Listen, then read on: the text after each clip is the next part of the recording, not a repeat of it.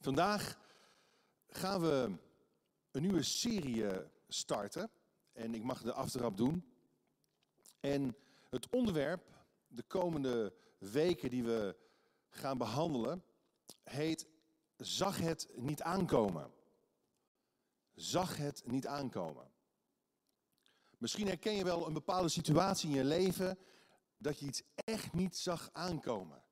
Ik weet nog tijdens gimmen op de basisschool, toen was ik een beetje dromerig. Uh, ja, liep ik wat rond in de gymzaal en er was iets van handbal. En op een gegeven moment, boem, kreeg ik een bal tegen mijn hoofd. Ik weet wie, wie heeft dat wel eens meegemaakt, zoiets. Je zag het niet aankomen. En nou ja, had meteen hoofdpijn daarna. In ieder geval gaan we het vandaag hebben over een thema, een onderwerp waarvan iemand ook deze week tegen me zei, wat kun je hier nou van maken? Maar het is wel een heel belangrijk onderwerp en ik ga proberen er iets van te maken. En het thema is hoe cynisme onze hoop uitblaast. Maar andersom geldt ook. Hoop blaast ook cynisme uit. In deze serie gaan we het hebben over cynisme dus. Compromissen, irrelevantie, disconnectie, burn-out, hoogmoed, verleidingen en angst. Het gaat over onderwerpen waar we allemaal mee te maken hebben of krijgen in ons leven. We kunnen overmeesterd worden met gevoelens of situaties die we niet zien aankomen. En wat doen we dan? Het kunnen dingen zijn die ons geestelijk en emotioneel ongezond maken. Dingen die ons relationeel op slot zetten. Maar ook geestelijk blokkeren in onze ontwikkeling en groei in ons geloof. Deze maand ben ik 30 jaar fulltime als predikant werkzaam. Ik begon op mijn 23ste. Vol vuur en passie. En ik weet nog heel goed dat ik één ding voor ogen hield. En voor ogen wilde houden. De rest van mijn leven. Ik zei, ik wil niet in de geest beginnen en in het vlees eindigen. Ik wil niet in enthousiasme beginnen en in cynisme eindigen. Ik wil niet in positiviteit beginnen en in negativiteit eindigen. En eerlijk gezegd, hoe langer ik meeloop, hoe ouder ik word, hoe moeilijker het is om dat waar te maken. Hoe moeilijker het is om, om niet cynisch te worden. Om niet met een, een negatieve bril door het leven te gaan. Om niet negatief, maar positief naar mensen en situaties te blijven kijken. Ook vanuit genade. Ook vanuit het geloof in Jezus. En daar gaat het vanmorgen over. Hoe cynisme onze hoop uitblaast. Maar allereerst, wat is cynisme precies? Het is belangrijk om, om een goede definitie neer te zetten voordat ik verder ga. Cynisch. Cynisch. Ja, en dan zitten ook tieners hier in de zaal waar heeft hij nou een cynisch? Wat betekent cynisch zijn nou? Nou, cynisch is een Latijns woord, dat is afgeleid van het Grieks kunikos. Letterlijk betekent het hond. Cynisch betekent eigenlijk honds zijn. Maar het cynisme vloeide voort uit een filosofische stroming in Athene. En de cynici predikten eigenlijk een terugkeer naar de natuur. En ze wezen alle luxe en bezit af. Ze zetten zich ook af tegen de maatschappij van toen. De Griekse cultuur. Met zijn excessen en uitspattingen. Op dit moment zou je het kunnen omschrijven als een negatieve houding. Ongeloof in het goede. Cynisme is een houding van chronisch wantrouwen tegenover andermans waarden, intenties of motieven. En die houding wordt ook met bittere spot geuit. Nu kan ik me voorstellen dat je je afvraagt, wat is eigenlijk het verschil tussen ironie, uh, sarcasme en cynisme? Het zijn eigenlijk, ja, ze hebben heel veel raakvlakken met elkaar, maar er is toch wel een verschil. Het hangt vooral af van de toon en de context waarin bepaalde opmerkingen gezegd worden. Ironie, dat is eigenlijk milde spot. Bijvoorbeeld, je vriend komt een uur te laat en je zegt, wat ben jij vroeg vandaag zeg? Dat is ironie. Sarcasme, dat is bijtende spot. Dat gaat wat verder. Zoals gisteren is mijn tante overleden. Nou, we hebben in ieder geval gratis koffie gehad. Dat is, dat is sarcasme. Dat, dat is eigenlijk aanvallend en ook kwetsend bedoeld. Cynisme, zegt men, is dodelijke spot. Het is iemand afkraken. Maar het is zo verpakt dat het net lijkt alsof het leuk is. En alsof jij leuk bent. Bijvoorbeeld tijdens een huwelijksfeest zei, iemand: de beste huwelijken zijn gebaseerd op leugens. Dat zal je maar gezegd worden op huwelijksfeest. Er wordt dan bitter getwijfeld over alles en iedereen. We zien trouwens ook dat in veel humor veel cynisme en sarcasme verpakt zit. En natuurlijk in de context van cabaret kan het grappig zijn. Het is ook maar weer net de context en de toon die bepaalt ja, hoe kwetsend iets is. Maar luister, niemand groeide op met de intentie om de hoop in mensen te verliezen, om negatief door het leven te gaan. Om negatief te zijn als het uitkomt op verwachtingen. Cynisme veroorzaakt wantrouwen. Wantrouwen in relaties, wantrouwen in relatie met God. Het blaast hoop en vertrouwen uit. Daarom moeten we daarvoor oppassen, op onze hoede zijn. Weet je, lees je mee. Cynische mensen veranderen de situatie niet, ze vertellen alleen maar wat verkeerd is. En ze zakken weg in een middelmatige leven zonder impact of verschil uit te maken. Cynisme wordt ook vaak getriggerd door teleurstelling in mensen, teleurstelling in kerken, teleurstelling in organisaties, in bedrijven, in de overheid. Hoe groeit, hoe ontwikkelt cynisme zich? Hoe kun je veranderen van een optimistisch en idealistisch mens in een pessimistisch en cynisch mens? Weet je, cynische mensen zijn meestal heel betrokken mensen geweest. Hebben vaak hard voor de zaak gehad. Maar hun inzet of hun ideeën hebben niet opgebracht wat ze voor ogen hadden. Vooral in huwelijksrelaties, in kerkrelaties, vriendschapsrelaties ontstaat, ontwikkelt zich makkelijk een cynische houding.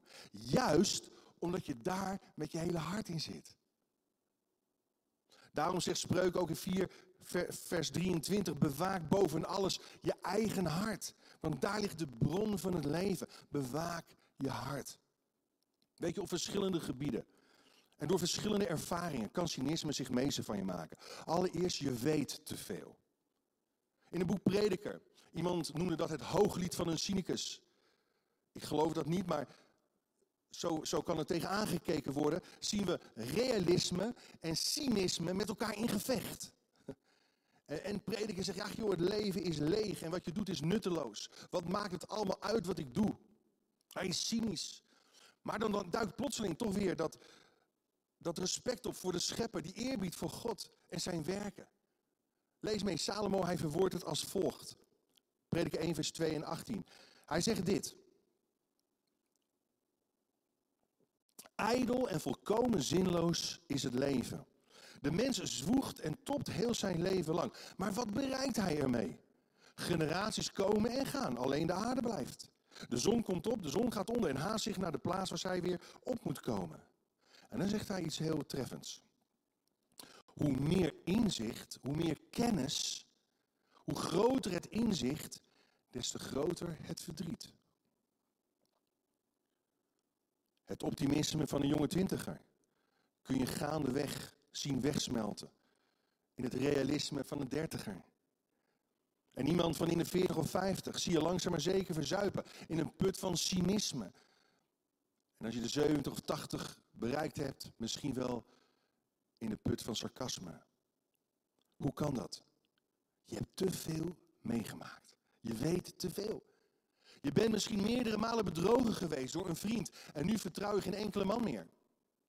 Je werkt voor justitie en je hebt te veel kwaad gezien, waardoor je het goede in de mens niet meer kunt zien. Of je hebt op je werk te vaak ideeën geuit die de grond in werden geboord of werden afgeschoten, zodat je nu je collega's maar op afstand houdt. Of je hebt te veel echtscheidingen om je heen gezien, waardoor je geen geloof meer in het huwelijk hebt. Ik weet nog dat ik samen met Angelique, in het begin toen we in deze gemeente kwamen, een jong stelletje tot de Heer leidden. En we gingen daar urenlang mee in gesprek. Een half jaar lang sprak ik twee keer per week met ze af. We baden voor ze. We hielpen ze alles weer op de rit te krijgen. Eh, we haalden ze op met de auto eh, om ze naar de kerk te brengen als het slecht weer was. Totdat ze abrupt van de een op andere dag besloten de kerk te verlaten. En de klacht was deze. We krijgen geen aandacht genoeg van de kerk. We voelen ons verlaten, dus zoeken we een ander onderkomen. Ik zal je eerlijk zeggen, we waren flabbergasted. We waren in shock. En toen voelde ik cynisme in mij opborrelen. En ik zei tegen mezelf, ik ga dit nooit meer doen. Ik zal me niet langer laten gebruiken door mensen. Al die tijd en al die energie voor niets geweest. En ik ben heel eerlijk, het duurde jaren voordat ik begon te begrijpen dat we vanaf het begin af aan duidelijker hadden moeten zijn met onze grenzen. En, en ik begon te begrijpen dat wat we ook doen, of het nou in de kerk is of op ons werk is, het met heel ons hart mogen blijven doen. Waarom? Om voor Jezus Christus. We doen alles wat we doen van harte, zegt Paulus. Met een dankbaar hart. We doen het in de eerste plaats voor Hem. En weet je wat mensen beslissen, is uiteindelijk hun verantwoordelijkheid. Maar onze arbeid is niet vergeefs. Want we zien niet altijd de vrucht van wat we gezaaid hebben. En in het licht van de opstanding en de hoop op een nieuwe hemel en aarde, zegt Paulus dit, 1 Korinthe 15, vers 55. Daarom, lieve mensen, sta pal en wees onwrikbaar. Zet u steeds volledig in voor het werk dat de Heer u opdraagt. In het besef, in het besef dat u onder de leiding van de Heer uw inspanning niet voor niets is. Maar herken je dat? Even terug naar dat, naar dat gevoel. Je hebt zoveel geïnvesteerd. Je hebt zoveel gedaan. En misschien wel zo weinig teruggekregen. Of wat je ervoor terugkreeg, was het tegenovergestelde waar je op hoopte. Maar pas op, want dan juist ben je vatbaar voor een cynische levenshouding. En dat wil je niet, want het besmet je hoop. Het vertroebelt je zicht op Gods mogelijkheden en de kansen die zich weer opnieuw aanbieden. Het maakt je blind en, en ongevoelig voor Gods genade en liefde voor mensen, die onvoorwaardelijk is. Wat zijn de dingen waardoor cynisme zich nestelt in je hart? Een aantal dingen. Allereerst, je projecteert je verleden op de toekomst. Ja, je werd verliefd. Je stoort je in een hartstochtelijke relatie. Die uiteindelijk op niets uitliep. Misschien voor de zoveelste keer. Je stoort je op het werk met heel je hart. En uiteindelijk kreeg je de bons. Je verzorgde je vader en moeder met hart en ziel. En kreeg te horen dat je toch nog een teleurstelling voor ze was. Je hart is gebroken geweest. Je bent verraden geweest. Mensen hebben achter je rug geroddeld en je weet het. Je weet het. Je hebt ervaren dat niet iedereen te vertrouwen is. Dat mensen egoïstisch kunnen zijn. Dat mensen zich met hun ellebogen omhoog kunnen werken. En hoe ouder je wordt, hoe meer kennis, hoe meer inzicht, maar ook hoe meer verdriet en hoe meer pijn en hoe cynischer je kunt worden. Maar dat wil je niet. Prediker, hij, hij, verwoordde het als volgt, lees hem mee. 1 vers 8, vermoeiend is alles. Onbeschrijfelijk vermoeiend. We kunnen nooit alles zien, nooit alles horen. Wat er gebeurt is alweer gebeuren en wat er gedaan is alweer gedaan worden. Er is niets nieuws onder de zon. Met andere woorden, hij projecteert het verleden op de toekomst. Maar als het verleden macht heeft over je leven, dan zie je niet wie mensen kunnen zijn of wat ze kunnen worden. Je ziet ook de schoonheid niet meer in de mens. Ondanks natuurlijk ook de zonde die er kan zijn en de gebrokenheid die er kan zijn. Maar situaties in het heden worden dan door het verleden ingekleurd. Ja, je ziet de potentiële pijn. En pijn in het verleden wordt op deze manier toekomstpijn. Je argwaan verandert in woede en in bitterheid. Weet je, het bijzondere van God is dat Hij nooit ons verleden tegen ons gebruikt. Hij gooit nooit met modder, niet vol onder Gods eindeloze liefde. Hoop kan niet sterven wanneer het lege graf predikt dat Jezus leeft en een nieuwe hemel en aarde in aantocht zijn. Weet je, van alle mensen op aarde zouden christenen, zouden gelovigen het minst cynisch moeten zijn. En het meest hoopvol. Omdat het evangelie de grootste hoop geeft. En de grootste vervulling in het leven. Wat gebeurt er nog meer? Je besluit te stoppen met vertrouwen, hopen of geloven. Je sluit je af voor God, voor mensen. Je verhardt je hart. Je valt in de, in de valstrik van generaliseren. En het gevolg is dit. Je gaat een negatieve situatie of ervaring toepassen op alle situaties en op iedereen. Laten we even, even heel kort inzoomen op een scepticus uit de kring van de discipelen van Jezus. Thomas. Thomas. Daar moest ik aan denken toen ik bezig was met dit onderwerp. Hoe skepsis hoop in ons leven uitblaast. Thomas, hij was een van de twaalf. En hij, hij was er niet bij toen Jezus de eerste keer uit de dood aan de discipelen verscheen. En Thomas, hij, hij dreigt onder te gaan in zijn twijfel, in zijn skepsis, zijn bittere twijfel. En het is mooi dat het evangelie hier aandacht aan schenkt. Want misschien twijfel hij ook op dit moment. Ga je door een geloofscrisis heen. En weet je, het is mooi om te zien dat hij in de kring van de apostelen hersteld wordt. In het huis van God als het ware. In, in, in, in de kring van gelovigen. Want daar is Jezus in hun midden. Maar het enthousiaste verslag van de anderen kon hem niet bereiken. En hij, hij sluit zich af, hij trekt zich terug, hij sluit zichzelf op. En hij stelt ook de voorwaarden waaraan moet worden voldaan. Dat is zien en voelen van de wonden in het lichaam van Jezus. Anders gelooft hij niet. De grootste wonderen had hij meegemaakt, maar nee. Maar dit nee. Eerst zien, dan geloven. Wat is de remedie? Dat is hoop.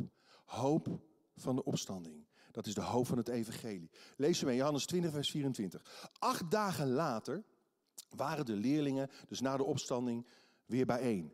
En nu was Thomas erbij. En hoewel de deur op slot was, kwam Jezus in zijn verheerlijk lichaam. En ineens stond hij in hun midden en zei vrede.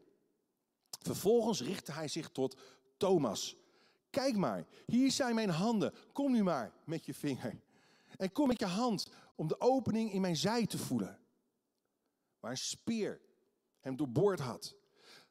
En dan zegt Jezus, wees niet langer ongelovig, maar gelovig.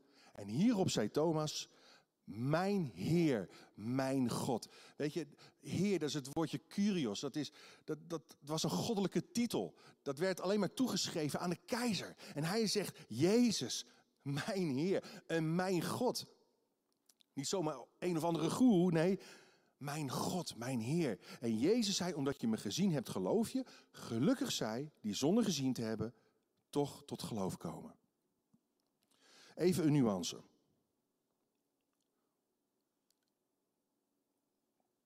Natuurlijk is niet alle skepsis of alle twijfel per definitie fout. Laat willen zijn, er wordt zoveel onzin beweerd, ook in de media en overal, eh, dat, dat zeker niet alles geloofwaardig is. In het evangelie worden we ook opgeroepen om dingen te toetsen, om dingen te beproeven, om op onze hoede te zijn voor dwalingen, om, om, attent en, en waakzaam te zijn. Maar er is ook een ongezonde vorm van, van skepsis dat zich kan ontwikkelen, zoals ik al heb uitgelegd. En Thomas, hij is nu buitengewoon sceptisch als het gaat om de opstanding, de verrijzenis van Jezus uit de dood. Hoewel Jezus dat meerdere malen had voorspeld, geloofde hij er niet meer in. Waarom niet?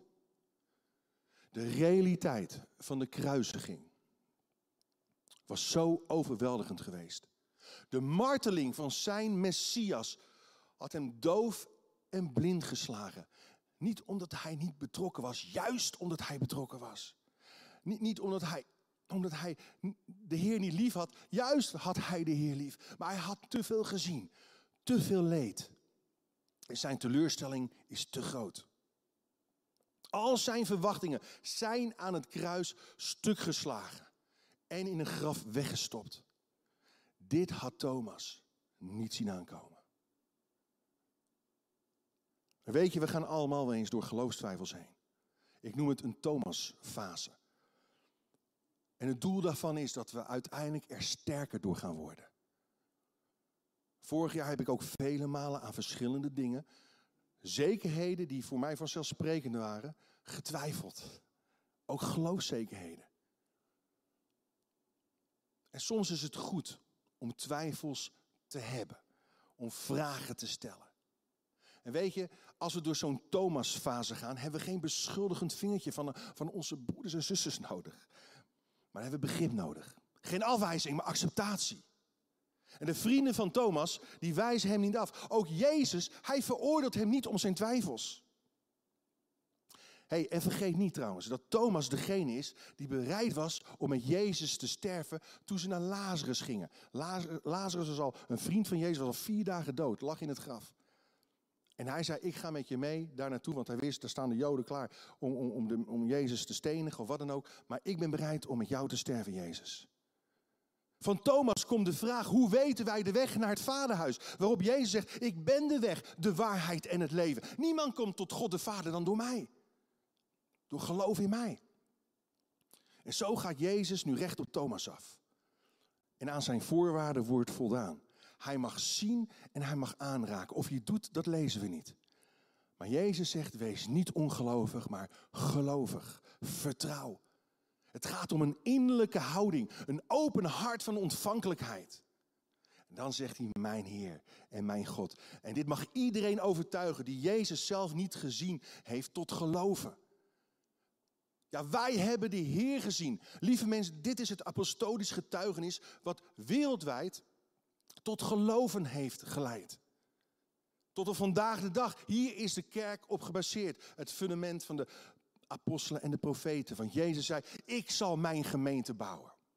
En de poorten van het dodenrijk, de poorten van corona, de poorten van welk virus dan ook, de poorten van ongeloof, van cynisme, van pessimisme, van ziekte, van dood, zullen haar niet overweldigen. En ik wil je de vraag stellen, door wie of wat laat jij je overweldigen? Achter welke deur verstop je je? Achter welke muur? Welke twijfel? Laat je verrassen door het leven van Jezus.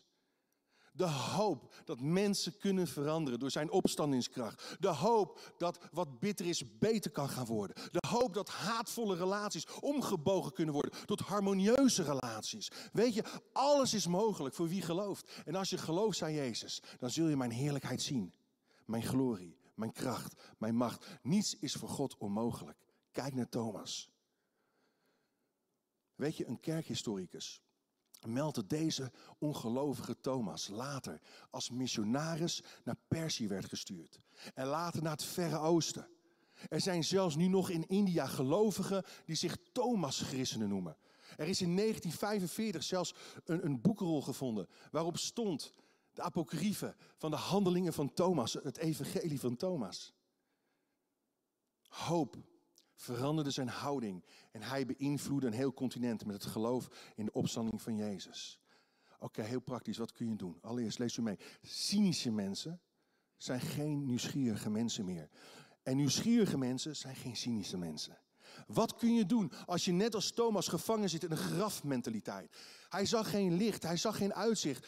Maar in dat graf klonk wel de stem van Jezus. Hij opende zijn hart, net als bij Lazarus. En die stem was, kom naar buiten. Stap uit het graf. Kom uit dat doemdenken tevoorschijn. Kom uit die negativiteit tevoorschijn. Die veroordeling naar andere mensen toe. En ga vragen stellen. Durf nieuwsgierig te zijn. Zonder mensen af te wijzen. Zonder etiketten op ze te plakken. Sluit je niet af voor mensen. Hoe ze eruit zien. Op grond van hun kleding, hun ras, hun levensstijl of opleiding.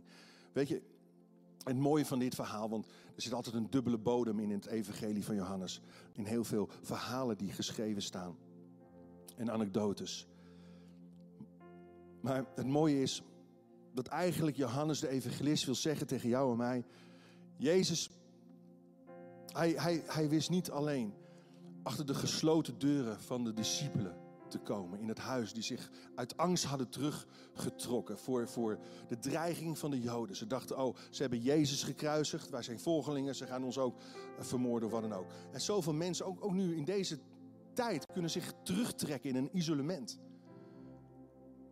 Maar we zijn niet gemaakt om in een isolement te leven. We zijn gemaakt om in verbondenheid met elkaar te leven.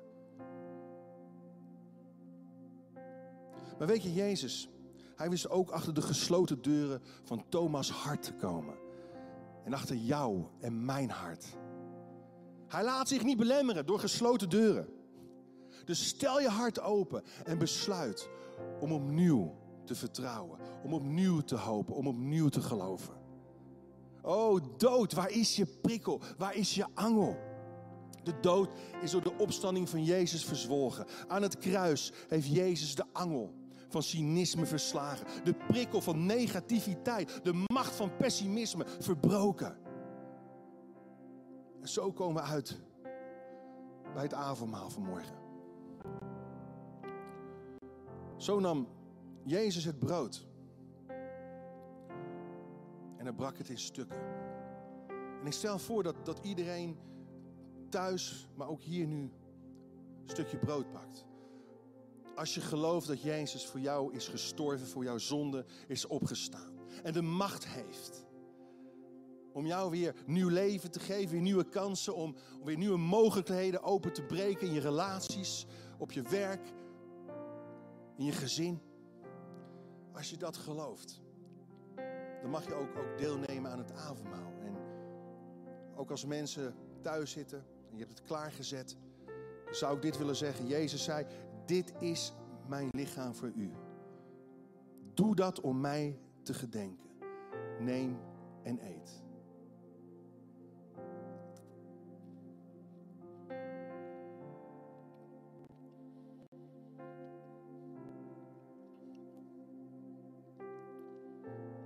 De Heer Jezus, hij nam ook de beker.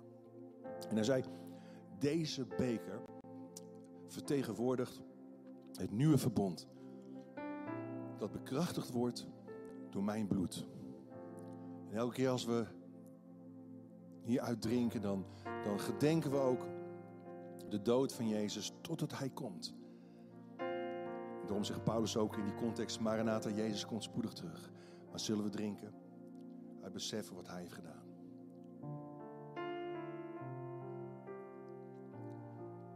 Ik wil graag in gebed gaan. Heer Jezus, ik wil u danken voor de overwinning die u hebt behaald.